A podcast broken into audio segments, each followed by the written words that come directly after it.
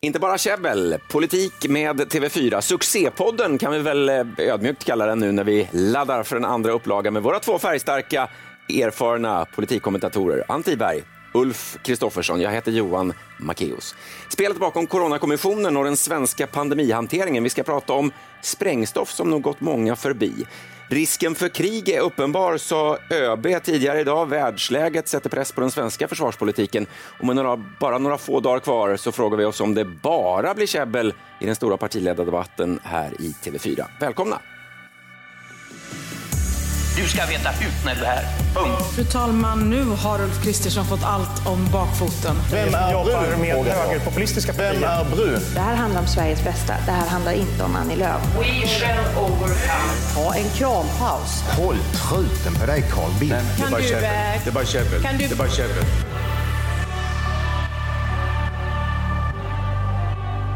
Ja, andra poddavsnittet, hur har reaktionerna varit? Ann, Ja, det har ju varit succé. Vi har ju legat etta på poddtoppen. bara en sån sak. Ja, fascinerande, väldigt bra respons. Nu gäller det att hålla den här kvaliteten. Oh, det blir svårt, eller hur?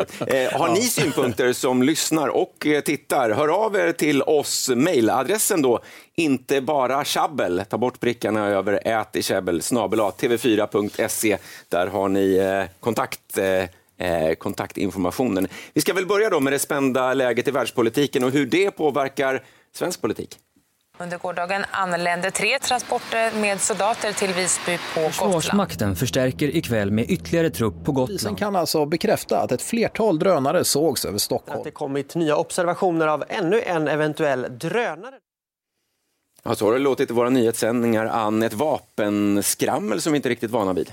Det får man säga. Och det är fascinerande, särskilt med Gotland som vi nog får beteckna som en PR-succé för det svenska försvaret. Här skriver man själv faktiskt på försvarets hemsida att den här nyheten har nått 1,7 miljarder, miljarder människor. Miljarder? människor i hela världen. Det här har varit på BBC, det har varit på Guardian, det har skrivits i, i fransk tv, rysk TASS har tagit upp det, det har också varit i turkisk media, det har liksom, och Al Jazeera har tagit upp det, USA har man tagit upp det. Och varför? Jo, det är naturligtvis oemotståndligt detta med den sömniga semesterorten och kontrakten med eh, patrullerande soldater. Eh, sen kan man väl säga på en lite allvarlig not att det är klart att det är viktigt att få soldater eh, till Gotland och att, att Sverige gör så att säga, en liten styrkedemonstration i det här läget. Men jag tror också att eh, försvaret sitter nu och räknar hem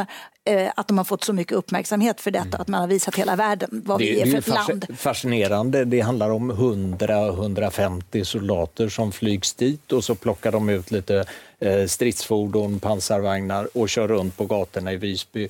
Eh, soldaterna bor på hotell, de käkar på McDonalds och, och, och visar upp sig för allmänheten. Jag vill inte förringa eh, det spända läget och att det kanske behövs en förstärkning på Gotland, men det är väldigt mycket signalpolitik, väldigt mycket uppvisning i det hela också. Känner vi en viss eh, patriotism? Tveklöst. Det här är ju vad säkerhetspolitik väldigt ofta handlar om i, i, modern tid. Det är lika mycket eh, en demonstration för resten av världen eh, som eh, någon sorts faktisk eh, krigsvilja, eller kanske till och med mer demonstration. Ja, det handlar om att mobilisera psykologiskt också, alltså psykförsvaret, att människor är inställda på att nu är det allvar. Och ÖB har nu gått ut och sagt att det finns en betydande risk eh, för krig och så vidare. Då, då förbereder man människor på att det kan behövas uppoffringar. Och, men man kanske kan komma ihåg att det finns ju inget hot mot Gotland. Det här är ju inte, det är ju inte så att någon tror att Gotland kommer att invaderas. Så, så det blir mer en bild eller en symbol eller en berättelse, vilket ju är väldigt, igen då, tacksamt. Men är det en slump att Rekryteringsmyndigheten skickar ut mönstringsunderlag som landat i postlådan hos ja, 100 000 eh, ungdomar som är födda 2003? Nej, jag tror kanske att det är en slump, men det är i så fall en lycklig slump. Ja, det är bra att, eh, tajming Det kommer att hjälpa helst. till att Det kommer ju rekrytera. verkligen rätt. Eh, vi pratar om patriotism eh, och lyssna på det här. Det gör detsamma för han är min soldat Någonstans i Sverige Ja, men Ulla Billqvist från 1940 eh, och och eh, ett eh, Twitterinlägg som du fastnat för, Ulf. Ja, nu borde ju texten ändras till eh, hon är min soldat eller hen är min soldat. Den här bilden vi såg, det var alltså Sara, pansarskyttesoldat vid Gotlands regemente. Hon var då affischnamn när Försvarsmakten hade en kampanj 2019 på internationella kvinnodagen. Försvars, försvaret har ju satsat väldigt mycket på att rekrytera kvinnor nu och eh, då är Sara en av de här soldaterna som har lyfts fram. Eh, hon fick ju då väldigt stor uppmärksamhet i samband med det blev, hon blev ifrågasatt på Twitter av de som tycker att eh, stollar som tycker att kvinnor inte passar i försvaret. Eh, och då har hon lyfts fram av de som stöttar henne och tycker att hon har blivit någon slags symbol för att vi står bakom försvaret och vi står bakom alla dessa tappra soldater. En bild som blivit viral, ett inlägg som blivit viral. Om man läser eh, på inlägget, stolt över att Sara är en av många soldater som alltid är redo att försvara Sverige. Det är att göra skillnad på riktigt. Alla de tappra kvinnor och män som dedikerat sina liv åt Försvarsmakten är våra hjältar. Ja, det är Gulan Avci i, i Liberalerna som skrev det där och det har varit massor med sådana inlägg i, i den riktningen. Så det är ju det, hon har liksom blivit eh, ofrivilligt en symbol för hela den här patriotismen som bubblar nu. Sara och Gotland, det kanske summerar då. Men på 80-talet, eh, vi hörde ju de här drönarna som syns överallt. På 80-talet, ja, då var det ju eh, ubåtar som alla såg överallt. Nu är det uppenbarligen saker i, i, på himlen som väcker uppmärksamhet. Ja, och det finns ju ett fenomen i det där. Jag, jag har pratat med Carl Bildt och andra ledande politiker just det där att börjar man observera, bör, kommer det ut en ubåtsobservation, då går alla ut och tittar och det räcker med att det är en krusning på vattenytan eller en sten eller någon roddbåt i horisonten så ser man en ubåt. Mm. Alltså ögat blir liksom inställt på gult så att säga, på, på att se det man förväntar sig. Eh, och det är väl möjligt, de här observationerna av drönare, jag har inte sett några bilder på drönare, det inga belägg för det egentligen. Men över svenska känsliga objekt, eh, och ja, man tänker men ju det, direkt det, på... det, det finns säkert en substans i det, men det här att det kommer så väldigt många observationer finns ju också en... Jag tror det finns en psykologisk faktor bakom det, att man går ut och tittar och så ser man fåglar eller vad det nu är på himlen och Som- då, då kan man tolka det som drönare. Som nyhetskonsument så får man ju en känsla av att ryssen redan är här.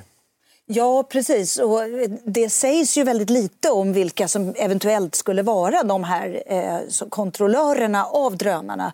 Eh, I en del fall kan det ju mycket väl vara något helt oskyldigt, någon som fotograferar ett område eller så. Men, men eh, sen ska vi komma ihåg att några av de här drönarna är ju, sägs det också, väldigt dyra. Eh, och det är det är inte vem som helst. Det är inte vem som helst som kan ha en sån. Men om det här klingar från, från förr, då, ubåtar och nu drönare, du ser också ett eko från förr rent politiskt, Ulf? Ja, eh, det är ju intressant eh, att eh, nu var det, nyligen var det en debattartikel som Annie Lööf hade skrivit under tillsammans med Ulf Kristersson där man då kräver att regeringen ska kalla in försvarsberedningen igen. Man vill ha partiledaröverläggningar om försvaret. Det står ju alla borgerliga partier och även Sverigedemokraterna bakom, men det var just Centerpartiet och Moderaternas partiledare som skrev det.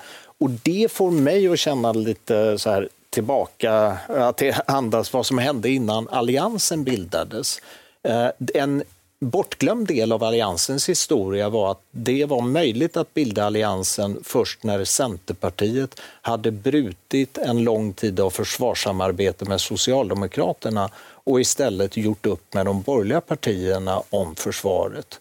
Och eh, jag tror, en tes då, det är att eh, de borgerliga nu det är ett sätt att försöka få Centerpartiet tillbaka till den borgerliga familjen. Då kan man använda försvarsfrågan. Man försöker i andra frågor också. Men det finns ju en längtan efter att Centerpartiet ska komma tillbaka till den borgerliga familjen. Och frågan är om nu Centern, för för jag är inte riktigt säker på att jag håller med dig där. Om nu Centern, om det nu var så att Moderaterna ville dra till sig Centern in i den borgerliga familjen, då borde de väl ha med sig fler partier. Och Annie Lööf, för Annie Lööf är ju det här prioriterat. Så att frågan är om det inte är hon som har dragit till sig Moderaterna möjligen. Är det en murbräcka? Ja, men alltså det, det, de två partier som vägde tyngst när Alliansen bildades, det var Centerpartiet och Moderaterna. Det var Fredrik Reinfeldt och Maud Olofsson som var de drivande motorerna bakom att Alliansen bildades. Och nu ser vi en konstellation eh, med Annie Lööf och Ulf Kristersson som gör gemensam sak i en debattartikel. De kunde lika gärna haft med sig även Nyamko Sabuni. Eh, Mm, Och varför hade de inte det? Då? Jag menar, om det nu är, ja, men om det, nu, om det här nu skulle vara någon sorts ny allians. Eh, vi ska komma ihåg att Annie Lööf vill ju bilda en ny bred mitt. Eh, så, och nu har hon fått, fått, om det skulle komma från henne så har hon ju fått med sig Ulf Kristersson då i den här breda mitten. Ja, vem väger tyngst? Vi får väl se hur det Ja. utvecklas. Ett poddtips från Podplay. I podden Något Kaiko garanterar östgötarna Brutti och jag, Davva, dig en stor dos skratt. Där följer jag pladask för köttätandet igen. Man är lite som en jävla vampyr. Man har fått lite blodsmak och då måste man ha mer. Udda spaningar, fängslande anekdoter och en och annan arg rant. Jag måste ha mitt kaffe på morgonen för annars är jag ingen trevlig människa. Då är du ingen trevlig människa, punkt. Något Kaiko, hör du på Podplay. Därför är Inte bara käbbel, eh, politik med TV4. Vi ska byta ämne. Coronakommissionen. Jag är definitivt inte nöjd med beskedet ifrån socialministern idag. Eh, Socialdemokraterna måste sluta mörka och börja medverka till att vi får svar på de här frågorna. Min bild är att de får i princip allt det de begär. Så sent som idag så har man fått ytterligare information. Men när den är säkerhetsklassad informationen så måste man också säkerhetspröva att man får informationen. Så det är både loggdagböcker, det är krisdagböcker. Mm. Socialminister Lena Hallengren som du intervjuade i våra nyhetssändningar, Ulf eh, för ett tag sedan och eh, moderaten Camilla Waltersson Grönvall. Vad handlar det här om? Ja, det är ju det här bråket mellan Coronakommissionen och, och eh, regeringen om hur mycket handlingar Coronakommissionen ska få för att kunna genomföra sin granskning av hanteringen av hela pandemin. Eh, det har pågått länge, det är väldigt infekterat och vad som har hänt nu som vi hörde Lena Hallengren eh, säga i den här intervjun som jag gjorde med henne i onsdags, det är att nu skickar man mängder av handlingar till Coronakommissionen. Eh, Jag har hört från källor i regeringskansliet att de kommer med såna här typ shoppingvagnar fulla med papper Oj. som de lämnar till eh, Coronakommissionens eh, tjänstemän. För att dränka de, dem i- Ja, de fullständigt dränker dem i handlingar nu medan tidigare har de ju då eh, haft en mycket mer... Coronakommissionen får det de efterfrågar specifikt. De måste liksom tala om exakt vad de vill ha för att få ut någonting. Och nu öser de på dem papper. Så om härskartekniken tidigare var att de får fråga efter det och annars ger vi dem inte så är den nya härskartekniken att vi ger dem allt Ja, ja, och lite dränker- till. dränker dem i ja, och papper. båda sakerna uppnår, båda metoderna ger möjligen samma resultat. Att det Ja. blir svårt att skilja ut vad som är det viktiga. Ja, och det, det, det problematiska med det här är att Coronakommissionens slutrapport ska komma 25 februari och nu har de väldigt kort tid på sig och så får de mängder med papper som de ska gå igenom och sortera. Och jag tror att det blir väldigt svårt för Coronakommissionen att komma i mål, så att säga, att bli helt klara med sitt arbete till 25 februari. Förmodligen kommer man att behöva återuppta den här kommissionen eller kanske tillsätta en ny kommission. Dessutom är pandemin inte över eh, och eh, det här fjärde vågen och vaccinationerna granskar de inte i Coronakommissionen. Så att i vilket fall som helst så kommer man inte kunna hinna med allt. Ann, du nämnde tre bokstäver för mig tidigare, GSS. Ja, min spaning här vad det gäller den, den, den, hela den här debatten är att plötsligt så har det på något sätt eh, begrepp som har varit ganska fördolda har kommit eh, ut i tidningarna därför att man har haft den här diskussionen. Det som det här handlar om det är vad det är som har sagts i interna möten i en väldigt speciell grupp som har då förkortningen GSS. Och, och man för? älskar ju såna här förkortningar som döljer liksom, verkligheten. Det står för Gruppen för strategisk samordning. Och normalt sett så ingår alla statssekreterare i alla departement i den här gruppen. Men under, eh, när det har varit som mest krisigt så har man haft en liten specialgrupp under GSS som jag har erfarenheter kallas för SGSS, den särskilda gruppen för strategisk samordning. Och där har då bara några statssekreterare ingått. Eh, och det är möjligen den som är mest intressant här i det här sammanhanget. Men får man då alla dokument från alla grupper i alla såna här, då blir det otroligt svårt att särskilja. det, det är också en väldig begreppsröra i eh, hela den här hanteringen. För man säger ju då att det finns inga protokoll. Eh, från de här mötena och eh, därför kan de inte lämna ut några protokoll. Sen har det framkommit att det finns dagordningar punktvis. Det finns utökade annoterade dagordningar där det också står mer om vad varje punkt innehåller och man för såna här logg, loggar över vad som har hänt i, i den här GSS-gruppen varje dag. Så att det finns massor med dokument runt omkring. Och nu får ju då eh, Coronakommissionen ta del av väldigt mycket dokument. Men vad jag förstår får de fortfarande inte ta del av enskilda tjänstemäns eh, anteckningar. Var landar allt det här idag? Äh, det är ju det som är det stora problemet. För frågan är, vad, vem är det som bär ansvaret? Var är det besluten fattas? Eh, varför valde Sverige en annan strategi under den här corona, inledande coronaperioden än alla andra jämförbara länder? Mm. Eh, och det det är ju det som egentligen Coronakommissionen ska besvara. Och om de då inte kan ta del av dokument som visar vem det var som fattade beslut. Därför mm. att beslutsordningen eh, är, det är som en tvål i ett badkar här, vem det är som är ansvarig egentligen. Det liksom slipper ur Sen. händerna hela tiden och det tror jag gör att det, det, här, det finns, de i Coronakommissionen är rädda att de kommer inte kunna sätta ner foten här. Och bakom det här ligger ju att regeringen ville från början inte ha någon coronakommission. De ville ha en parlamentarisk ja. Eh, kommission som tillsattes efter hela pandemin var klar. Mm. Och då oppositionen drev på, vi måste ha en kommission som granskar det här.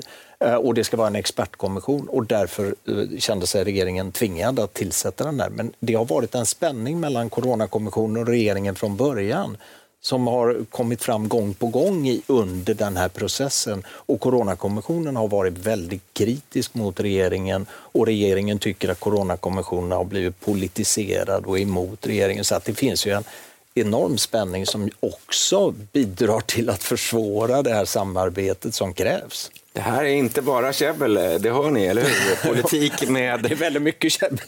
Inte här i studion, va? Eller? Men även mellan regeringen och kommissionen ja, verkar det vara mycket käbbel. Vi byter ämne, vi blickar framåt istället eh, mot nästa vecka och frågar oss om vi kommer bli något klokare. Nu startar valåret i TV4. Alla partiledare kommer vara här. Vi gör allt för att visa skillnaderna. Och kanske blir vi lite klokare.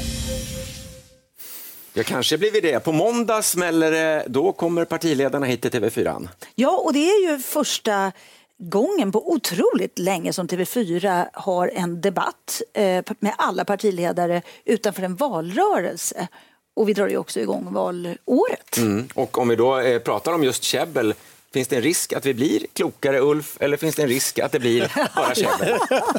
Förlåt Johan, det är ingen risk att bli klokare. Nej, ja, men det är en möjlighet, det är en ja, chans.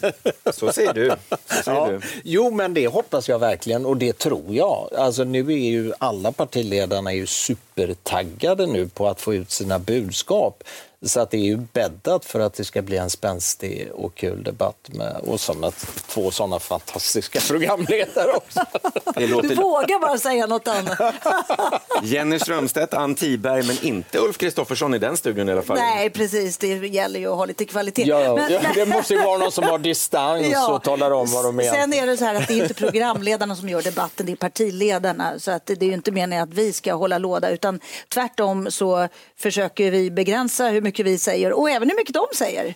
Om vi, ja, men precis. För om ja. vi lyssnar riktigt noga nu så hör vi ett ljud. Och Det beror på att du har tagit med dig en klocka in i studion. För En klocka som är central i den här debatten. Ja, vi återinför tidtagning i svensk eh, riks-tv. Vi kommer att ha eh, 30 sekunder långa inlägg, max, kommer vi att tillåta under den här debatten. Och du tror kanske ja. att partiledarna ogillar det, men det gör de inte. De tycker om, det är toppen. Om jag slår på den här schackklockan som står här på bordet och säger att du får 15 sekunder på dig. Vem har mest press på sig på måndag? Ja, det är tveklöst Magdalena Andersson och det beror ju på att hon kommer att göra sin första debatt här som partiledare och det är inte lätt faktiskt att kunna leverera då. Mm. Jag tror att eh, både Märta Stenevi och Nyamko Sabuni har extrem press på sig. Det är två ledare för två partier som riskerar att Och åka även Ulf Kristersson skulle jag säga har en viss press på sig. Och programledaren och hålla koll på de här ja, partiledarna. men- Nu slår jag då. att. Om jag ställer frågan, vem har mest att tjäna på den här drabbningen nu då när vi går in på valåret? Eh, Jag skulle faktiskt vilja knyta tillbaka till det som eh, Ulf pratade om här för att vara lite artig mot dig. Eh, det är otroligt viktigt för Märta Stenevi och eh, Nyamko Sabuni att hålla sig kvar. De, kommer, de har ett kämpigt valår framför sig. Är de nervösa, våra partiledare, tror ni? You bet. De har en extrem press på sig. Det är så spänt läge i politiken nu och så mycket som står på spel så att eh, de sitter säkert hemma och övar nu på de ska lägga upp sina angrepp. Och tajmar! Det ska få bara ta 30 sekunder. Bara 30 sekunder. Klockan är central. På måndag kväll här i eh, TV4 Klockan åtta. Klockan åtta, då blir det partiledardebatt. Jag och Ulf, eh, vi pratar upp eh, det Ja, hela istället vi- vi- och tar vi- tempen på partiledarna. Ja, vi måste ju värma upp dem. Vi börjar redan 18.25. På TV4 Play Och kan ni gör den se seriösa grejen. Ja, men eller? det liksom... Så, om ni har idéer vad vi ska prata om, om ni har synpunkter, ni kan mejla oss. Ni mejlar då på inte bara tjabbel, ta bort prickarna över ät, snabel-a tv4.se. Ann och Ulf, tack för idag. Tack för idag. att ni har Tack, tittat och lyssnat. Podplay.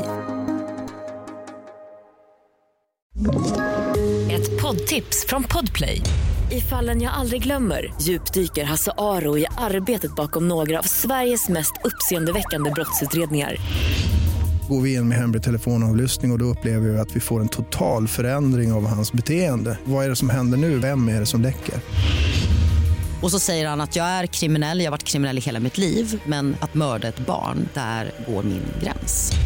Nya säsongen av Fallen jag aldrig glömmer på Podplay.